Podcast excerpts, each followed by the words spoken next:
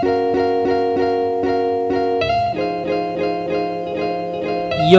welcome to Story Time.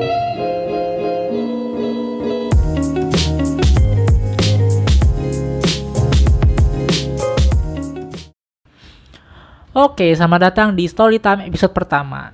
Di episode pertama ini gue bakal bahas tentang insecure bareng Kak Deborah. Kak Deborah ini adalah salah satu psikolog dari kli.id. Bisa cek di Instagramnya at kli.id k l e e id. Nah, gue mau terima kasih banget buat Kak Deborah karena mau ikutan ngisi episode pertama ini bareng gue. Karena sebenarnya podcast ini adalah keisengan. Gue ingin explore coba-coba apakah gue punya bakat untuk berbicara podcast gitu-gitulah. Pokoknya ingin mencoba-coba.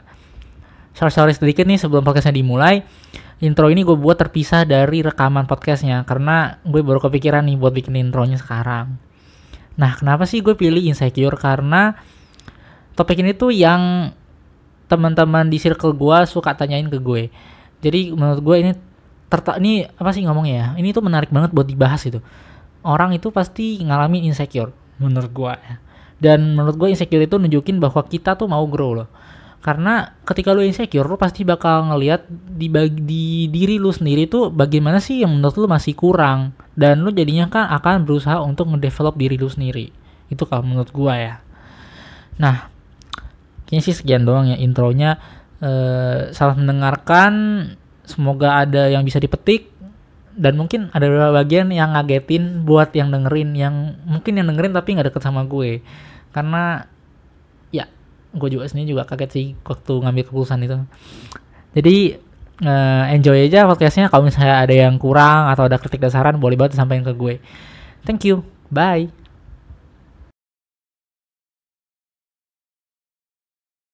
Nah kali ini tuh aku bakal ngobrolin tentang insecure.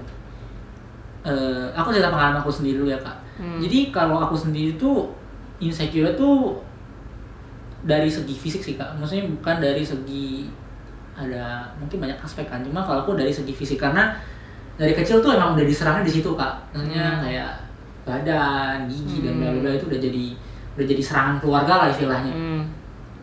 Jadinya aku tuh ada sampai di tahap di mana aku tuh mikirnya oke okay, aku tuh punya kekurangan di segi fisik jadi aku harus ngembangin di segi yang lain satu-satunya ya aku uh, lebih banyak baca buku jadi gedenya maksudnya untuk plusnya tuh di di apa sih ngomongnya pemikiran gitu dan dan maksudnya pengetahuan gitu terus habis itu pas beberapa lama itu aku itu maksudnya karena mungkin dari kecil aku udah megang itu ya maksudnya kayak oke okay, aku punya kekurangan di fisik oke okay, lupain aja aku punya kelebihannya di bidang akademi sama uh, karakter gitu misalnya hmm. aku tuh sama orang tuh nggak pernah cari masalah nggak hmm. macam-macam gitu kan hmm.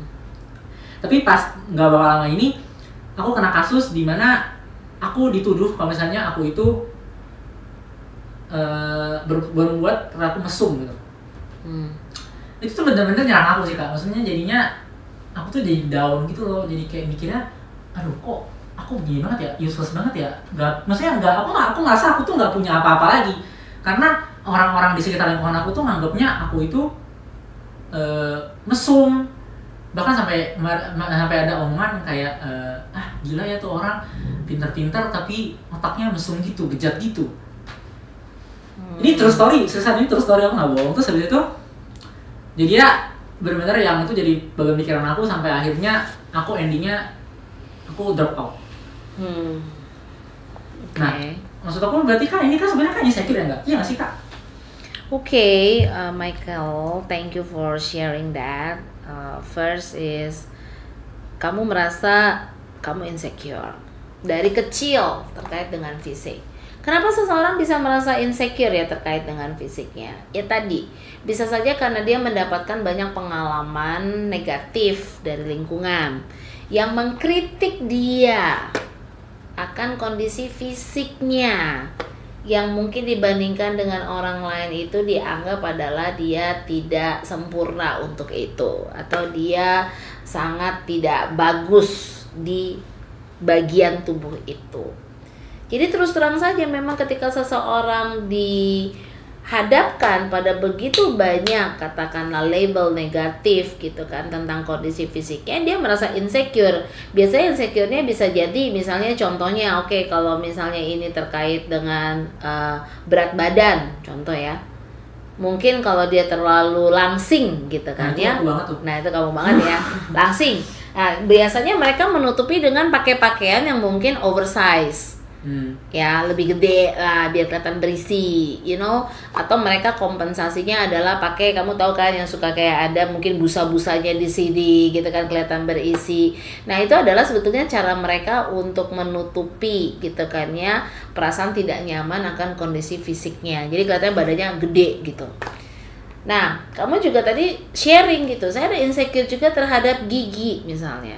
Ya, kenapa? Karena bisa saja tadi kamu cerita bahwa itu menjadi sesuatu yang dibahas mungkin secara tidak menyenangkan. Dibahas, diketawain, ya banyak sih. Iya. Nah, akhirnya bisa jadi gitu kan ya, membuat kamu insecure untuk bicara banyak sama orang atau katakanlah kalau misalnya bicara banyak sama orang mungkin merasa nggak kalau kamu mungkin nunduk ya nggak kepingin menatap mata mereka karena ke, kamu pikir jadinya mereka natap gigi saya kan? Iya dan lebih seringnya sih kalau di foto sih kak. Kalau yes. foto jadinya nggak senyum. Yes mingkem kan? Gitu. Sebenarnya ketika seseorang punya cara gitu kan untuk mengatasi insecure mereka ya nggak apa-apa gitu seharusnya tidak perlu menjadi insecure yang berkepanjangan kan begitu tapi seseorang merasa insecure itu karena memang tidak punya problem solving dari apa yang dia alami gitu kan.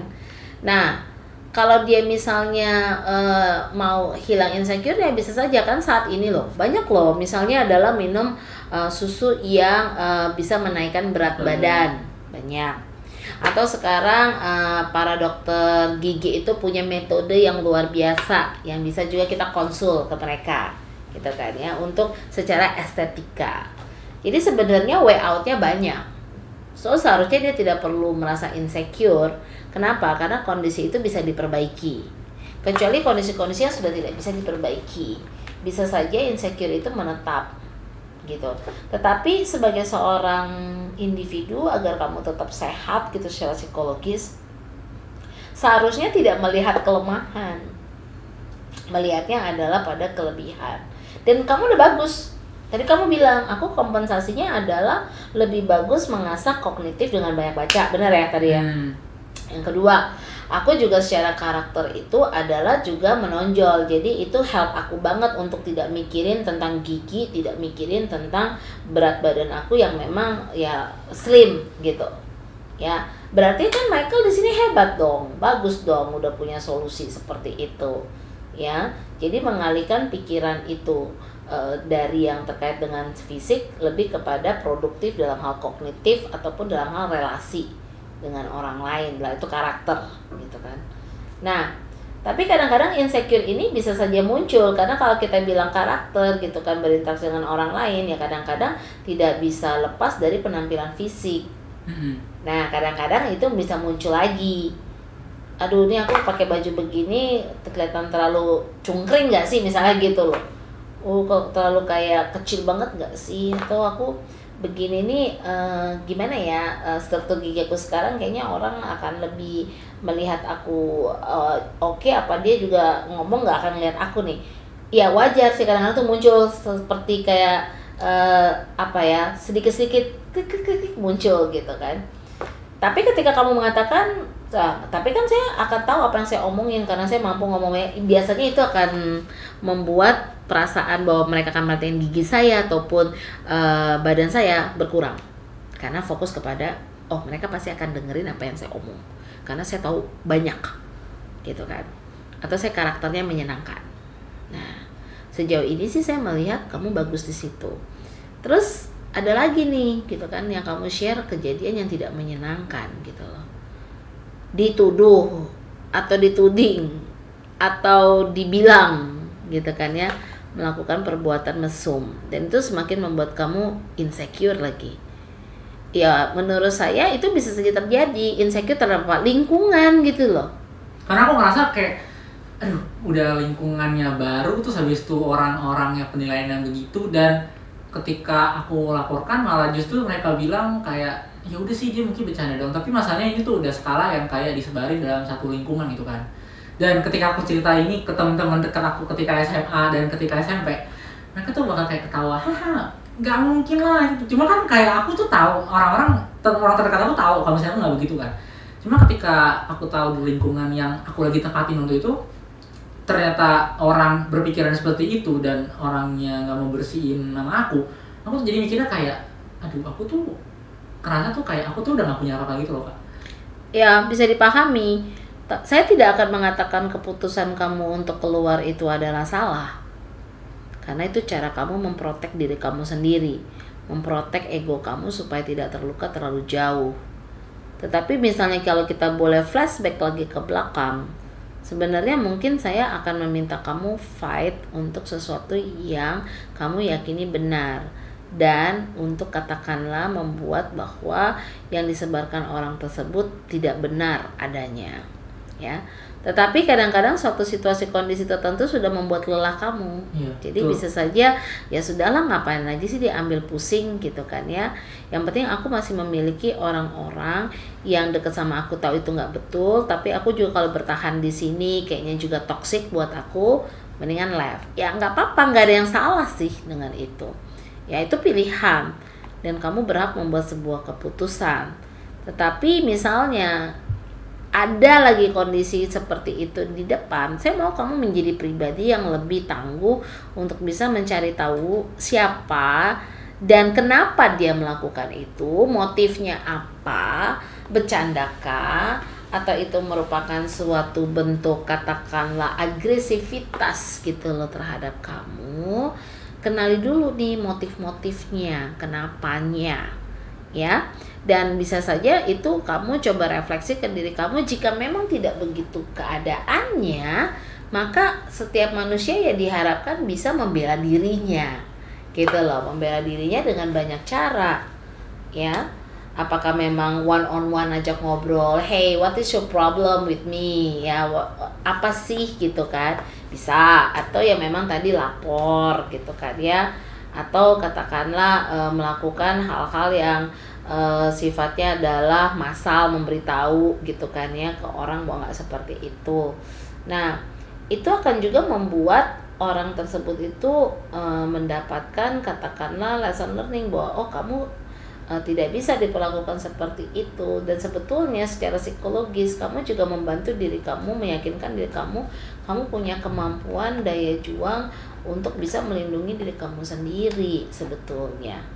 Jadi eh, kalau saya bilang teknik yang kamu lakukan keputusan drop out itu lebih kepada emotion focus coping. Supaya emosi kamu nggak terganggu. Nggak, apa ngomongnya istilahnya? Karena sebenarnya tuh benar-benar yang dua bulan tuh benar-benar yang uring-uringan Yes, benar-benar jadi yes, jadi kepikiran yes. kan buat aku. Kan mungkin karena udah gimana ya kak mungkin udah mendaragin di pikiran juga kayak aku tuh kelebih aku tuh mikirnya tuh udah aku punya tuh kelebihannya tuh di kognitif sama di manner jadi kayak ketika yang diserang manner ya udah kayak ah gue nggak punya apa-apa nih gitu kan Ya, dan itu memang perasaan yang harus kamu atasi deh. Jadi dengan kata lain ya sekarang bangkit lagi gitu kan bahwa eh, kamu bilang kamu mengklaim diri kamu dalam hal manner bagus, tapi terpentok dengan masalah ini, kamu merasa jadi apalagi yang bisa gue banggain gitu kan? Gue sendiri melihat diri gue bagus di sini. Tapi tiba-tiba ada masalah orang ngomong begini. Nah, balik lagi kita tidak bisa membuat semua orang itu menyukai kita gitu. Itu realitanya. benar-benar nggak semua orang bakal suka sama kita sih Iya, tapi intinya kita bisa juga gitu ya membuat orang tahu kita tuh sebenarnya seperti apa ketika ada sesuatu yang tidak tepat, ya kita melakukan klarifikasi gitu kan. Nah, itu lebih bagus fight gitu, nggak flight. Ya kan ada dua teknik orang dalam menyelesaikan masalah, dia fight atau dia flight, udah pilihannya. Nah, jadi ya mungkin in the next gitu kan, kalaupun memang kamu merasa perlu mengclarify, ya lakukan aja klarifi- klarifikasi eh, di tempat waktu kamu itu dulu gitu kan ya. Atau ya tadi bertemu orang itu mungkin bisa saja. Sekarang kan modern ya bisa saja melakukan klarifikasi permintaan maaf, maaf secara media dan apa ya bertemu sih kemarin udah. Permintaan maaf nggak mau dianya. Alasannya mungkin karena mau bercanda atau dia kemarin sih bilang tadi dia mau cari dulu siapa yang nyamar jadi aku. Cuma kan masalahnya kan kalau menurut aku kan kayak itu kan udah clear. Kalau misalnya aku udah sodorin bukti kalau misalnya ini bukan aku gitu kenapa nggak dibersihin dulu? Cuma ya kalau nggak mau ya udah. Cuma kemarin karena udah itu sempat down sampai Januari Februari ya dan akhirnya kan aku drop out setelah drop out itu ya mulai lagi sih kak menata lagi kayak aku tuh banyak coba-coba kayak salah satunya ya Kli aku fokus di Kli gitu kan terus habis itu aku juga coba yang kemarin Circle aku jadi MC itu juga Keren, coba-coba keren, keren, keren, Terus keren. aku ngapain lagi? Aku bela- aku coba-coba menggambar, mewarnain, bikin Keren, ilustrasi. Jadi explore sih kak. Jadinya aku mulai coba bangun lagi, cari kesibukan lagi, baca buku, bla kayak jadinya aku mau explore lagi kayak aku tuh bisanya ya apa aja sih. Jadi dan, dan podcast kayak gini juga sebenarnya tuh aku juga explore karena karena kemarin sempet down, sempet runtuh, jadi aku sekarang tuh udah mulai kayak bangun kayak nih loh Michael kamu tuh bisa di banyak hal jadi kayak nggak kayak yang hal-hal tuh nggak usah dipikirin lagi sebenarnya Good, itu yang kalau dalam psikologi artinya kamu memberikan afirmasi positif buat diri kamu sendiri. Kamu mengapresiasi diri kamu sendiri dan it's good. Saya akan support kamu Michael, tapi coba kita bisa bilang bahwa kemarin itu bisa saja menjadi sebuah pengalaman berharga bagaimana kamu ditempa untuk menjadi orang yang lebih strong. Ya. Dan juga memberi juga insight ya bahwa saya memang harus berhati-hati gitu loh pada saat saya berinteraksi. Bukan berarti membatasi tidak. Tapi dalam interaksi pun kadang-kadang kita perlu kalkulasi kira-kira ini impactnya seperti apa? Ini dampaknya seperti apa? Sehingga kita bisa mengantisipasi juga segala sesuatunya. So it's good for you now. You try to uh, stand up ya dari keterpurukan, mencoba banyak hal untuk dieksplor dan well as a person who knows you gitu ya, menurut saya kamu punya a lot of potensi yang bisa untuk dikembangkan. It's so good for you dan. tapi kemarin agak maksudnya setelah jalanin ini kan udah sekitar enam bulanan ya setelah dari kasus itu ya. Kayak aku tuh lebihnya sana sih lebih kayak oke thank you loh kemarin kasus maksudnya terima kasih karena kemarin udah ngalamin itu. Karena kalau mungkin kemarin aku nggak ngalamin itu aku kan nggak drop out. Kalau misalnya aku nggak drop out mungkin aku nggak bakal sefokus sekarang di Kli. Terus habis itu juga nggak bakal explore jadi MC buka podcast bla bla bla ilustrasi dan bikin buku bla bla bla.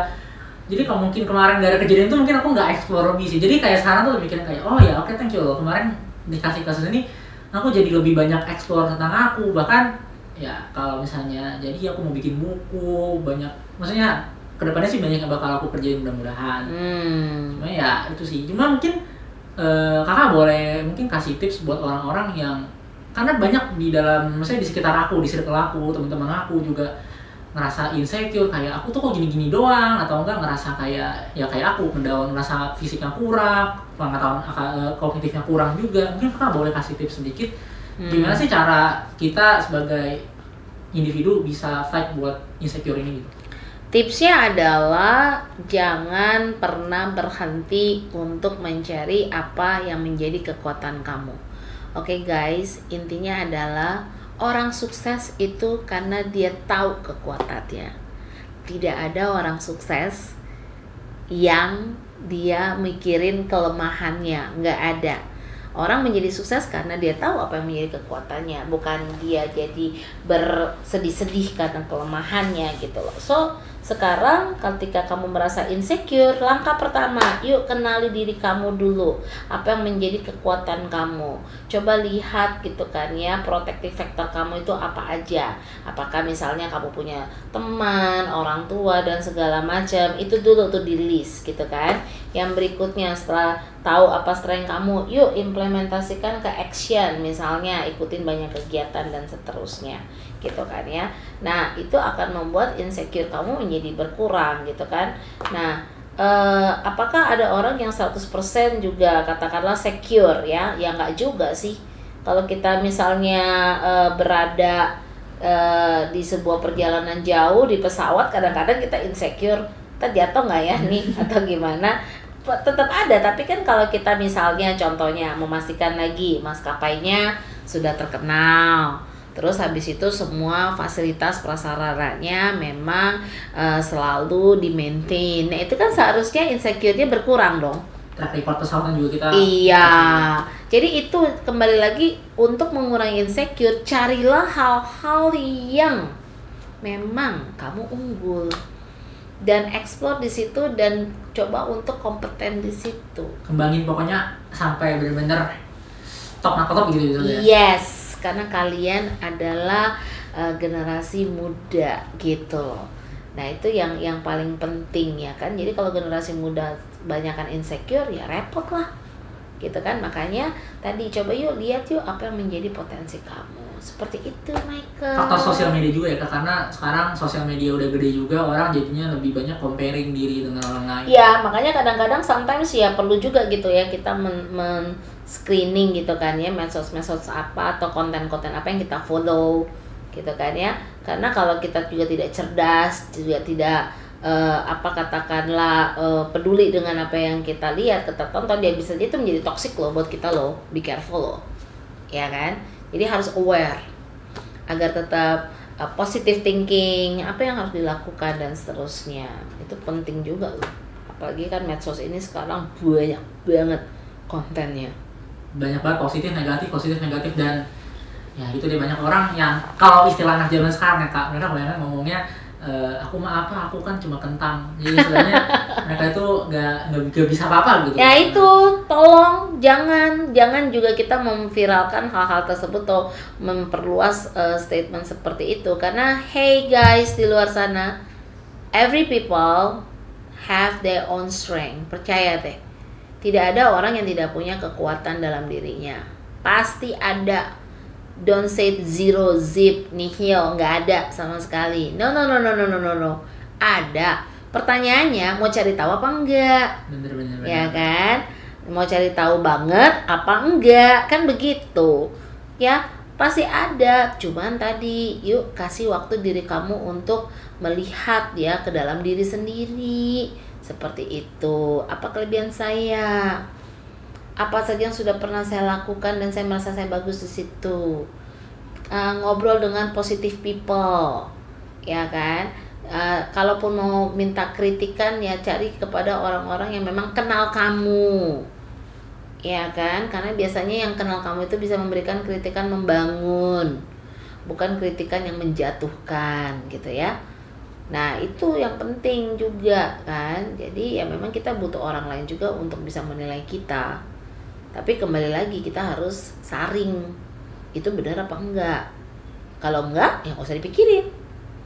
Hmm. kalau itu benar pikirkan oh cara ngerubahnya gimana ya? Kalau misalnya dianggap itu uh, tidak baik. Kan begitu. Oke okay? so don't give up ya kan? Carilah kekuatan kamu. Sukses selalu buat kalian semua. Bye bye, bye. thank you Kak Deborah sudah sharing sharing hari ini yes bye bye sama-sama. See you. Bye. Oke, gimana nih podcast episode pertama gue? Apakah memuaskan? Kalau misalnya kalian punya kritik atau saran, boleh banget DM ke gue biar next podcast lebih bagus lagi daripada podcast pertama ini. Nah, mungkin pada agak penasaran ya, karena tadi gue di awal itu kurang ngejelasin tentang duduk permasalahan kasus yang gue alamin di Desember kemarin. Jadi, case-nya adalah ada orang yang berpura-pura dengan pakai nama gue. Nama lain dia bikin akun lain itu namanya Michael. Terus habis itu dia chat ke orang ini dan minta foto bikini.